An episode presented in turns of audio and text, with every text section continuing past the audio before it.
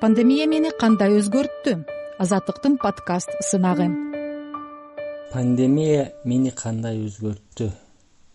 Кандай ой пикирлерге түрттү? Аты жөнүм дайырбек мейманов. Элүү жети жаштамын. Кесибим журналист. Бишкек шаарынын ак өргө конушунда жашайм. Жакшы эле сактанып жүрдүм эле бул балыя баскыр коронавирус илдетин кантип жуктуруп алгандыгымды билбей калдым июль айынын башы болчу. Башым ооруп мурдум бүтүп э, кыйналдым. Шектенип ак өргөнүн мед пунктуна бардым. Врачтар баары ооруп жалгыз эле бир дарыгер иштеп жатыптыр. Ал дары дармектерди жазып берди. Беш күн ичтим жакшы болбой күчөп кетип кайра барып тамчылатма куюп укол салуусун өтүндүм. Врач болсо бизде андай шарт жок деди. Ооругандар көбөйүп бейтапканаларга батпай жаткан убак болчу үйгө акысын төлөп жеке врач чакырганга туура келди. Ал эки тараптуу пневмония деген диагноз коюп дарылай баштады. Башым дүңгүрөп ооруп демим кыстыгып жатып калган элем эки күндө жеңилдеп оңоло баштадым. Жыйырма күн дарыланып айыктым. Мурда тапшырган тестте коронавирус болуп чыксам кийинки тапшырган тестте анализим таза чыкты. Мен окуяны кыскача гана баяндадым. Коронавируска чалдыгып ооруп жаткан күндөрү мурданчалык элес албаган нерселер көңүлүмө кыттай уюду. Үй бүлөнүн ыйыктыгын баалуулугун ого бетер аңладым. Апамды тынчыраак деп эң кичүү карындашымдыкына жиберген элек апам ал жактан өмүрүмдү тилеп атты. Бир туугандарым утур бир келип акыбалымды сурап көздөрүнө жаш тегеренет жубайым айнагүл чарк айланып жанымдан чыкпайт. Биздин төрт кызыбыз бир уулубуз бар эң кичинекейим уул кыздарымдын үчөө турмушта бир кызым студент ал колумда. Мен ушул пандемия учурунда күйөө балаң деле өз балаңдай болоорун анык туйдум. Эки кызым үй бүлөлөрү менен москвада. Бири бишкекте турат. Ушул бишкекте турган кызымдын жубайы бишкекти түрө кыдырып врач э, жазып берген дары дармек уколдорду таап келип ата кантип калдыңыз деп чыйпыйы чыгып турду москвада иштешкен күйөө акча салышып ата керектүү дарыларды алыңыз дешип күндө whatsappтан акыбалымды сурап турушту мына ушул пандемияда анык сездим. Күйөө балаң жакшы болсо өз балаңдан да артык болоорун анык сездим пандемия учурунда мени кыжаалат кылган ойго салган кыргыздын ат камнелеринин шалаакылык иштерин айтпай коюуга болбой турат. Пандемия алардын айткан сөздөрү менен кылган иштери дал келбестигин илең салаңдыгын дагы бир ирет далилдеп койду. Муну мен коронавируска чалдыгып ооруп жүргөн күндөрү өз башымдан өткөн окуялардан улам айтып жатам. Кыргыздын кыйын чыкмалары коронавирустун белгилери болсо жүз он сегиз номерине чалгыла деп эле айтып жатышпайбы? Жүз он сегиз номерине чалып өзүм катуу ооруп жатканымды жубайым менен кызым да тумоолоп калгандыгын дене табыбыз көтөрүлүп жатканын айтып бизди тесттен өткөрүүсүн оорубузду аныктап берүүсүн өтүндүм. Эмне дешти дебейсизби? Бизде тест тартыш жеке менчик лабораториялардан өткүлө дешпедиби? Мен болсо бизде андай мүмкүнчүлүк жок. Акчамдын баары дары дармекке кетип атат. Силер чоң кызматкерлер деле бекер тесттен өткөрүп жөнөкөй жарандардан тест албайсыңарбы? Мен муну министрдин өкмөттүн өзүнө чейин айтам маселе коем деп ачууландым ошондо гана сизге мобилдик бригада барат дешти. Эртеси келишип менден жубайымдан кызымдан тест алышып дене табы нормалдуу экен дешип уулумдан тест албай кетишти. Биз менен контакт болуп калбадыбы? дегениме такыр болушпады. Тестти жетиштүү даярдап албай кыргыздын ат камнелерди каякта карап отурат деп аябай нааразы болдум. Коронавирус алгач кытайдын ухан шаарында өткөн жылдын аягында эле чыкпады беле пандемия кыргызстанга да келиши толук мүмкүн. Биз алдын ала антип даярданып атабыз минтип даярданып атабыз дешип экс премьер министрдин өкмөтү сайрап эле жатышты эле.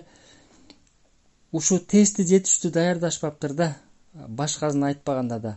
Канча адам ковидке чалдыгып канчасы айыгып чыгып жатканын кантип аныктайбыз деп ойлошту экен. Демек тест жетиштүү болбогон соң азыркы маалымдап жатышкан статистика чындыкка дал келбейт да тест өзүбүздөн чыкпайт да тестти жетиштүү санда сатып алганга каражат тартыш да деп актанышат эми алар. Ошол эле учурда кыргыздын ат камнелери медициналык каражаттарды өз баасынан бир топ кымбат баага бюджеттин эсебинен сатып алышканы ачык ачык отурбайбы? Ошол эле учурда жеке тараптар ишкерлер он алты сомдон алып жаткан бир жолку колдонулуучу бет каптарды өкмөт жыйырма алты сомдон э, ал эми жүз он сомдон алынуучу респиратордук бет каптарды өкмөт үч жүз төрт жүз сомдон бир миллион сомго табууга боло турган дем алдыруучу аппараттарды өкмөт эки миллиондон ашык сомго сатып алышкан.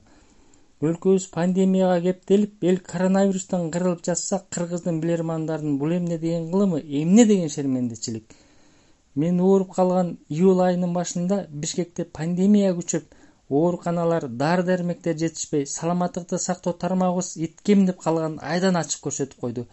Бейтаптар палаталарга батпай коридорлорго жатып калды. Дем алдыруучу аппараттын жетишсиздигинен пневмонияга чалдыккандардын бир тобу жемдешишпей көз жумуп кете беришти. Ыйлап сыктап бишкектин аптекаларын кыдырып дары укол издеген эле адам.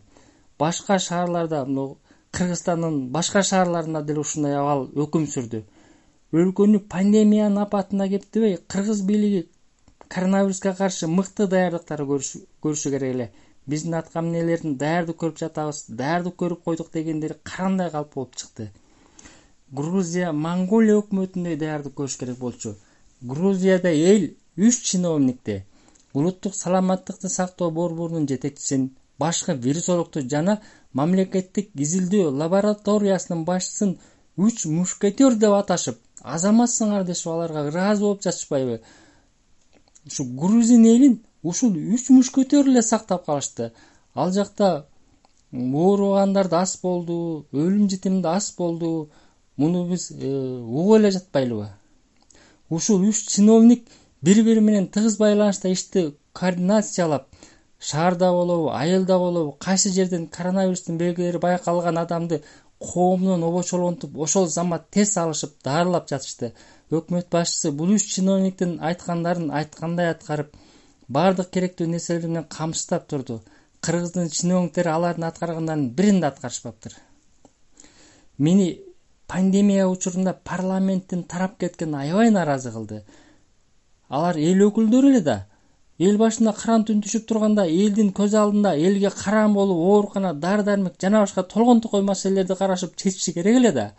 Эми булардын кимиси кайда жүргөнүн билбейсиң. Жүрүшөт да элдин эмес өздөрүнүн камын көрүшүп. Эми бир топ саясий партиялар борбордук шайлоо комиссиясына арыз берип жатышыптыр. Келерки шайлоого аттанышып. Саясий партияларга деги эле ичим чыкпай жүрөт. Алар кайсы бир топтун кызыкчылыгында гана куралган. Капчыктуу топтун бизнеси сыяктуу мүчөлөрү болсо партиянын жетекчисинин каш кабагын эле карап турушат. Партияда криминалы да капчыктуусу да куда сөөктөрү да жүрөт. Булар парламентте бирге калышып өздөрүнүн кызыкчылыгында мыйзамдарды өткөрүп ала коюшуп жатышпайбы? Демек парламентке келе турган саясий партиялар кандай болушу керектиги тууралуу терең ойлоно турган учур келди. Ал туура өтүп да кетти. Кыргыздын чиновниктеринен түңүлгөн карапайым эл эми пандемия менен өздөрү күрөшүп жатышат. Коронавируска чалдыгып өпкөсүнөн кагынып ооруканаларда орун жетишпей жатканда патриот уул кыздар ыктыярчылар тобун түзүшүп ондогон обсервацияларды ачышып чет жактардан тартыш дары дармектерди бет каптарды дем алдыруучу аппараттарды алып келишип жүздөгөн бейтаптардын жанын аман алып калышты. Ыктыярчы патриот уул кыздарга чын дилимден ыраазы болдум. Аларга миң мертебе алкыш айтам ошол обсервациялар айла жоктон шашылыш ачылганын медициналык талаптарга жооп бере бербестигин кыш мезгили жакындап күн сууктап кетсе муздак жайларда бейтаптарды жаткыруу дарылоо кыйынга туурарын бийлик ойлошу керек эми. Ыктыярчылар ондогон обсервацияларды ачышты дебедимби? Эми ошол обсервацияларда чыккан таштандылар менен ишибиз жок жооп бере албайбыз деп бишкектин мэриясынын расмий өкүлү телевизордон айтканын угуп ачуум келди. Ыктыярчылар адам өмүрүн сактап калалы дешип жан алакетке түшүп чуркап жүрүшсө таштандыларды тазалоону уюштуруп коюу бишкек мэриясынын чиновниктеринин колдорунан келбейби? Учурда бишкекте коронавирус менен ооругандар азайып калды. Мурда мынча болчу азыр анча болду деп бийлик маалымат берип жатат азыр. Кудайдын кулагы сүйүнсүн азая эле берсе экен. Бирок аймактарда көбөйүп баратпайбы бир мисал. Коронавирус менин кичим экеним токтогулдун алыскы тоо арасындагы толук айылына да жетиптир. Апам ушул толук айылынан болот. Апамдын иниси колуктусу экөө тең коронавируска чалдыгып ооруп калышканын угуп телефондон акыбалдарын сурасам ии аке айылдын мектепканасына ооругандар батпай калды. Айласыз үйдөн дарыланып жатабыз дешти. Дары дармектер ооруканада да аптекада да калбай калды дешти толуктун жаштары бир топ дарыларды алып келишти эле ал да түгөнүптүр дешти. Алар мага мынтип айтышты. Билесиз го толукта сасык матал көп өсөт. Эл айла жок сасык маталдан дары жасашып ошону ичип атышат дешти. Азыр аймактардагы элет эл ушундай акыбалга кептелип турат. Өкмөт чукул чара көрүп айылдарга көңүл бурбаса мындан да жаман болушу күтүлүүдө. Пандемия мени жеке турмушума үй бүлөмө коомго бийликке байланыштуу мына ушундай ойлорго түрттү. Пандемияга байланыштуу ушул ойлорду ойлорго аралашып ушул ойлор менен көчөгө чыксам эки тез жардам машинасы сиренасын иштетип ачуун чыгарып аркы теркке өтүп кетти. Жүрөгүм зырп этти. Деги аман бололучу сак саламат жүрөлүчү. Тилегеним эле ушул пандемия мени кандай өзгөрттү? Азаттыктын подкаст сынагы